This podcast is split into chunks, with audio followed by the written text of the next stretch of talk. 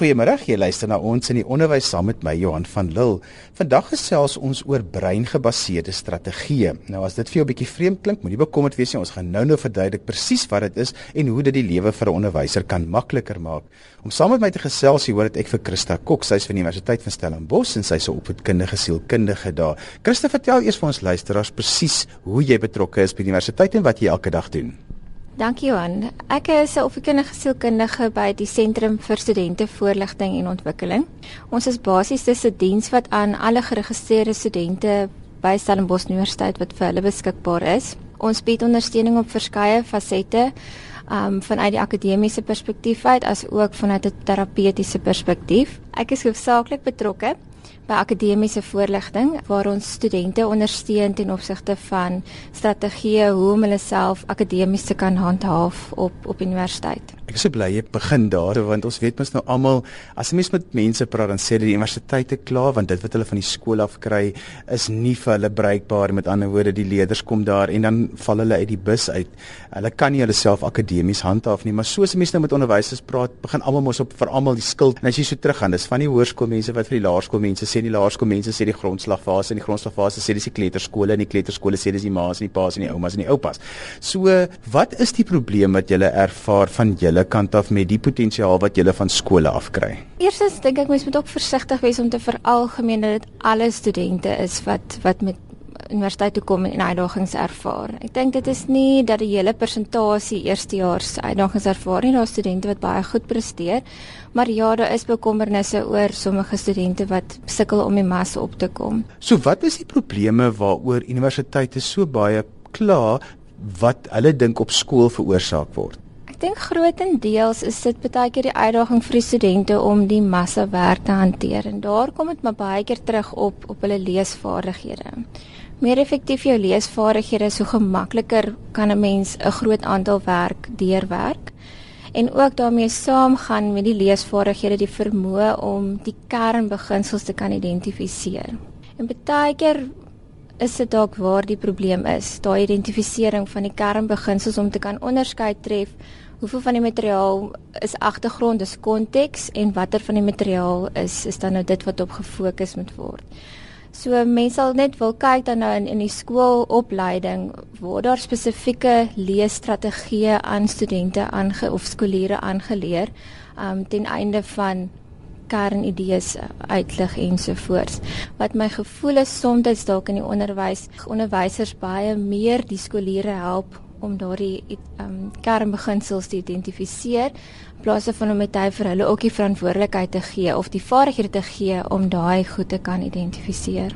Nou jy's 'n spesialis in breingebaseerde strategieë. Verduidelik vir ons luisteraars presies wat dit is. Breingebaseerde strategieë is basies maar daar uh, gaan daaroor om te identifiseer hoe maak ek sin van inligting? En dit verskil van persoon tot persoon. Nie een van ons het dieselfde maniere waarop ons inligting interpreteer nie. Ek gebruik baie keer die voorbeeld as 'n mens die prentjie van 'n appel sien. As ek aan 'n appel dink, kan dit dalk 'n rooi appel wees, as jy aan 'n appel dink, kan dit dalk 'n groen appel wees. Maar appel is 'n baie eenvoudige boodskap wat oorgedra word. So breingebaseerde strategieë gaan nou oor om te gaan kyk na die boodskap wat ek aan ander oordra. Hoe maak hulle sin daarvan? En in ander woorde, hoe moet ek dit oordra sodat elke individu wat voor my is op hulle eie individuele manier daarvan kan sin maak? Ek weet onderwysers moet massas inligting oordra, nie so baie soos wat universiteite moet doen nie, want die studente moet ook bietjie meer onafhanklik op universiteite werk, maar hoe kan hulle baat vind by breingebaseerde strategieë? Kyk, ek was self ook in die onderwys en ek weet dis uitdagend net nou nog 30, 40 verskillende individue wat voor jou sit en om vir elkeen te kan na hulle behoeftes om te sien is uitdagend, maar ek dink 'n bewustheid net van hierdie verskeidenheid kan klaar 'n groot verskil maak. So om met tye verskillende strategieë toe te pas as om net een metode van onderrig die heeltyd te gebruik deur die loop van van die jaar. Kan jy 'n paar van hierdie strategieë net vir ons verduidelik? Want ek dink dit sal vir ons luisteraars 'n idee gee presies wat dit behels. Ek dink ek sal begin by die basies. Is gewoonlik dat 'n mens meeste mense dra kennis dat die brein 'n linker en 'n regter helfte het, linker hemisfeer, regter hemisfeer. En dat daar onderskeid is tussen die twee voorkeure van inligting. Linker hemisfeer verkies meer jou verbale of geskrewe kommunikasie, inligting wat meer gestruktureerd aangebied word Teenoor jou regter hemisfeer het 'n voorkeur vir inligting wat meer kleurvol is, wat kreatief is, wat prentjie georiënteerd is. So as mens kyk na hoe 'n tipiese skoolhandboek lyk of nou hoe 'n tipiese skyfie aanbieding lyk, dis geneig om puntsgewyse tipe van aanbiedings te wees. Is handboeke is gewoonlik swart gedruk op wit papier. So outomaties word die linker hemisfeer reeds taamlik gestimuleer in die onderrigproses. Mens sal dan nou daarmee wil hê dat 'n mens meer kyk na die regterbrein. In ander woorde, hoe gaan ek in 'n groter prentjie vir vir sommige van my leerders gee want vir sommige moet eers die groter prentjie kan verstaan voordat hulle die klein besonderhede kan van sin maak. Dis byvoorbeeld ehm um, gebruik van breinkaarte om 'n visuele uiteensetting te gee van waarheen is ons op pad met hierdie tema. Watter aspekte gaan aangespreek word en dan eers te beweeg na die fynere besonderhede om vir hulle strategieë te leer hoe om met kleur kernbeginsels uit te lig. So dit sal nou wees om met linker regte brein te bewerk.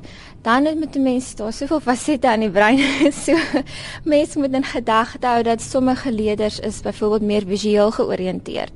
Hulle wil die inligting kan sien deur demonstrasies of voorbeelde wat aan hulle gewys word of deur hulle ook na die inhoud te lees. Ander leerders wat ek dink soms in die skoolomgewing die swaarste kry is jou kinestetiese leerders. Vir hulle om van sin te maak van inligting moet hulle beweeg.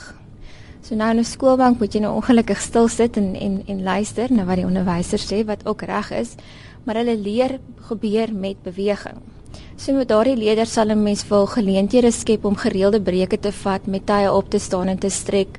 Um breinintegrasie oefeninge te doen. Daar is baie op die internet beskikbaar ten opsigte van breinintegrasie oefeninge sodat daar 'n bietjie beweging plaasvind want in daai beweging maak die student of skoolleer dan nou sin van die inligting. Ons gaan nou nog 'n bietjie verder daaroor gesels, maar ek het 'n vraag wat ek hier op hierdie punt wil vra en dit is as 'n mens dan op universiteit kom, is dit ideaal dat die leerder dit dan geïnternaliseer het en as 'n vaardigheid vir hulle self moes aangeleer het want op universiteit as jy vir 'n professor moet sê die studente moet nou eers 'n bietjie beweeg, gaan hy nie halfpad deur sy mediese handboek kom nie. nee, definitief. En en dit is wat juis my fokus uit my konteks is as ek met die student werk. Ongelukkig op ja, op universiteit kan kan daar nie altyd aanpassings gemaak ten opsigte van strategieë vir want daar sit 'n lesing van 300 studente voor jou, so dit is 'n heel ander storie. So dit is om hierdie breingebaseerde strategie te vat vir die studente te vertaal en is in 'n manier wat hy of sy daarvan kan sin maak. En dan hoe kan ek die tye wat ek nie in die klas is nie, daai inligting wat ek ontvang het, vertaal na 'n tipe van inligting wat ek gemakliker sin maak. Is dit 'n kwessie dat in ons onderwysstelsel leerders eintlik nie verantwoordelikheid aanvaar op skool vir hulle eie leer nie. Ja, ek dink die groot verantwoordelikheid van onderwysers en en vir ons wat vanuit opvoedkundige perspektief werk is om om vaardighede vir skoolier en studente te gee. Hulle moet definitief aan die begin in jonger fases eh, riglyn gegee word van hoe doen ek dit, maar teen latere stadium wil mense graag sien vir al die studentstadium dat hulle daardie strategie reeds het om self beginsels te identifiseer en daardie verantwoordelikheid te neem. Nou wanneer jy met eerstejaars studente werk en hulle kom by jou aan hier veral aan die einde van die eerste 2 kwartaale, wat is die goed waarmee hulle sukkel en wat jy dink dit kon eintlik al op skoolvlak hanteer gewees het? Die eerste ding wat aan my kop toe spring is spanning. Ons sien verskriklik baie dat studente regtig sukkel met spanning en spanning het as mens na jou breingebaseerde beginsels kyk, spanning 'n massiewe impak op jou vermoë om effektief te kan studeer. So as mens dink dalk op 'n stadium met hulle meer vaardighede ook ontwikkel van hoe lyk spanning, hoe identifiseer ek dit, hoe bestuur ek dit, want dit word nie dalk altyd so goed gedemonstreer in die skoolkonteks of self in in die huiskonteks nie. Dit kan ook dalk wees dat 'n student taamlik gemaklik presteer het op skool en nou ewe skielik akademies meer uitgedaag word op universiteit en onseker is van dis nou 'n vreemde ervaring. Ewe skielik gebeur dinge met my, hulle identifiseer dit nie noodwendig as spanning nie en is dan onseker hoe om dit effektief te bestuur. Wat 'n mens dan outomaties ook sien as 'n student begin akademies swakker presteer, is die gedagte natuurlik ek moet harder studeer, ek moet meer tyd agter die boeke spandeer. En dan gebeur hulle ander fasette van hulle lewe afskeep. Hulle studeer tot 4:00 in die nag toe, so hulle slaap uur aantal ure slaap raak minder. Hulle hou op oefen want daar's nie tyd vir dit nie. Hulle hou op om stokperdjies deel te neem. Sommige studente begin hulle self isoleer want ek moet meer tyd agter die boeke spandeer en dis juis negatiewe maniere om daardie situasie te hanteer. Mense wil graag meer kyk na goeie selfversorging um, ten einde van spanning effektief te kan bestuur. So dit sal vir my een van die kerngoed wees wat uitstaan um, ten opsigte van akademiese uitdagings en wat op skoolstadium reeds ook aangespreek kan word. Hoe hanteer ek druk? Hoe bestuur ek spanning? Hoe identifiseer ek my eie spanning? Maar nou gaan op skool ook my uitdagings alreeds wees en mense wil dit vroegtydig vir hulle vaardighede gee in daai opsigte. Die programme is ons in die onderwys ek is Johan van Lille. Ons praat vandag oor breingebaseerde strategieë. My gas is Christa Koch, sy is van die Universiteit van Stellenbosch en sy is opvoedkundige sielkundige daar. Christa, Ons het nou hele klompie goed al in die eerste helfte van die program aangespreek, maar dit is altyd baie so belangrik dat ons vir onderwysers 'n handvol wenke moet gee wat te sê as jy hierdie paar goedjies in gedagte hou in jou klas, gaan leer makliker plaasvind. So gee vir ons 'n paar wenke so vir soveel vingers as wat jy kan. Ek sal begin by om aan te sit waarmee ons laas gepraat het oor die spanning. Ek sal begin by definitief om 'n positiewe atmosfeer in die klaskamer te skep. Mens wil nie vir 'n kind 'n vrees ontwikkel vir leer. Um, mens wil aanhou om daai nuuskierigheid nuuskierigheid heeltyd te kweek. Die brein kan nie onderskei tref tussen wanneer 'n situasie iets van my lewe in gevaar is of wanneer dit bietjie spanning nie. En dan sal sekere reaksies wat in die brein gebeur, hormoonvrystellings ensovoorts. Maar wat op die ou en dit dan maak dat ek in absoluut gespanne is en dat die brein nie effektief funksioneer nie. So as mens 'n positiewe atmosfeer in die klas skep, verminder mense daardie spanningsvolle konteks um, wat kan gesentreer wees rondom leer, kan dit meer selfvertroue en dan natuurlik meer waagmoed om akademiese uitdagings aan te pak. So positiewe terugvoer, erkenning vir harde werk, um, nie noodwendig net gebaseer op 'n akademiese prestasie nie, maar op vaardigheid in die klas. Miskien om aanhalings in jou klaskamer op te sit wat inspirerend is. So definitief 'n positiewe atmosfeer. Dit sal my nommer 1 aanbeveling wees. As dan ons nou kyk daarvan af ten opsigte van leesstrategieë is iets wat ons ook genoem het. Sommige leerders lees nie altyd gemaklik nie. Dis nie noodwendig vir hulle 'n gemaklike aksie nie. Hulle hou nie daarvan nie.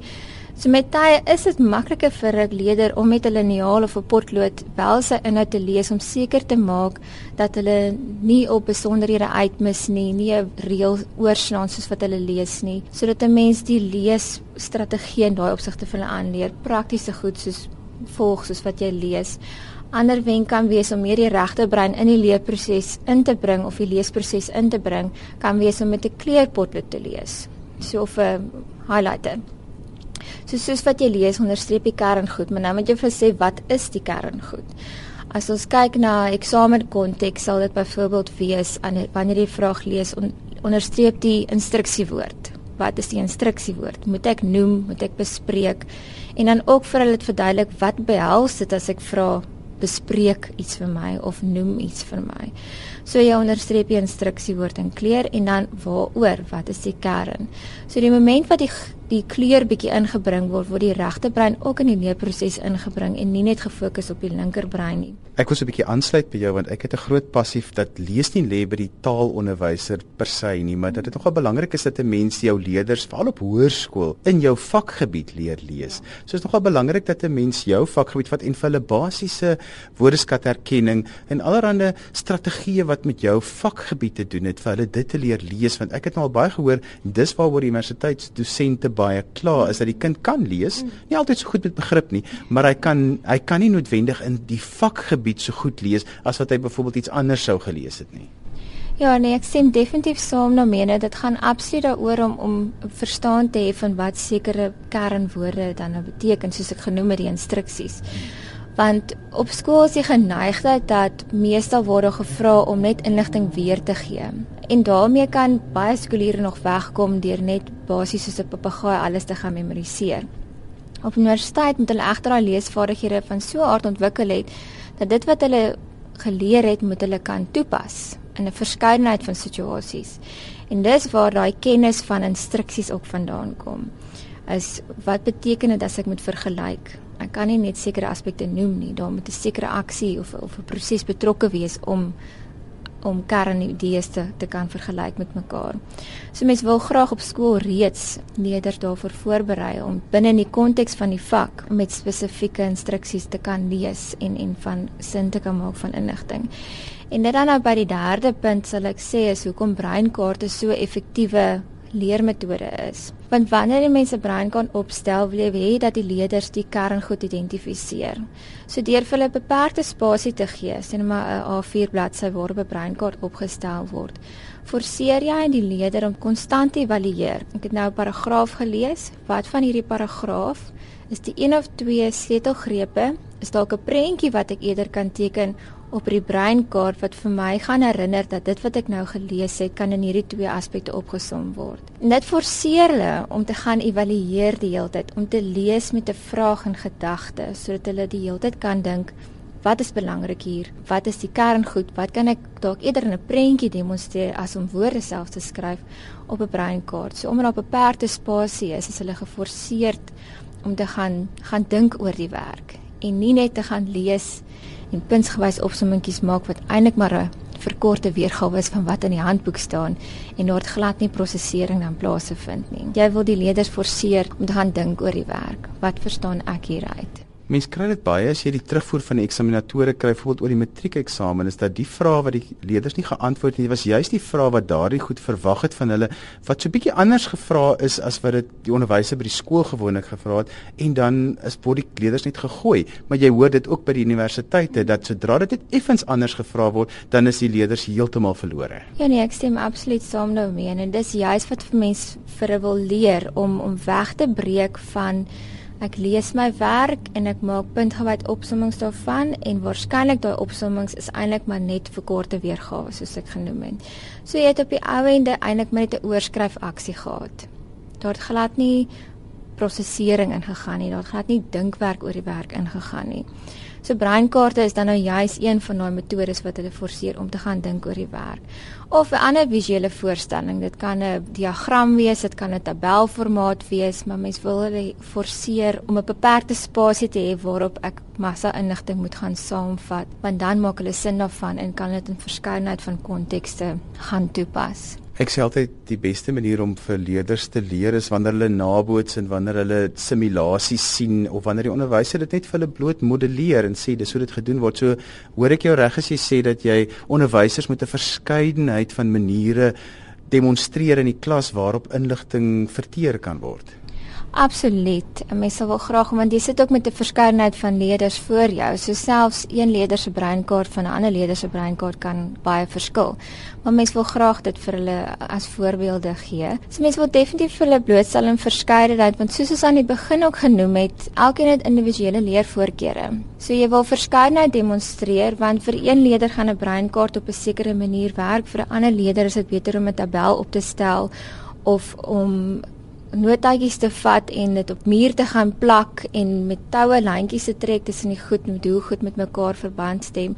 So mens wil definitief verskeidenheid blootstel en nie net een standaard vorm van opsommings nie.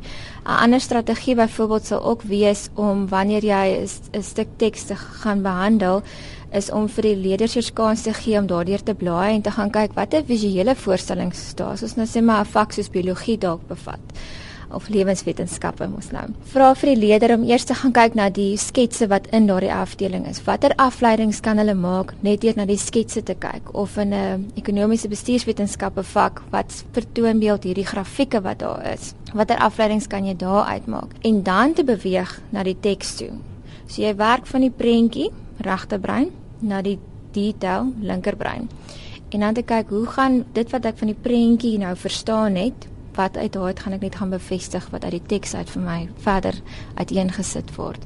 So mens wil die kern van breingebaseerde strategieë gaan nou oor om te identifiseer daar is verskillende leervoorkeure en dat 'n mens dan nou graag daai verskeidenheid wil demonstreer in 'n klassituasie. Ek is so bly jy praat 'n dag 'n bietjie oor spanning en druk en al daardie goed, maar wat ek baie keer hoor van onderwysers en ouers en ook dan van leerders af dat hulle sukkel om hulle self uit te druk of weer te gee dit wat hulle weet en toe te pas. Ek dink as ek nou kan vat omtrent die aantal studente wat ek met breingebaseerde strategieë mee werk, sal ek sê dat 90% van hulle baie keer leerders is wat vir my kom vertel, ek het my kant gebring, ek het klasse bygewoon, ek het die leerwerk gedoen, ek het my ure ingesit, maar my punte reflekteer dit net nie. En dan met verdere verkenning kom ons gewoonlik agter dit is net maar 'n spanningselement.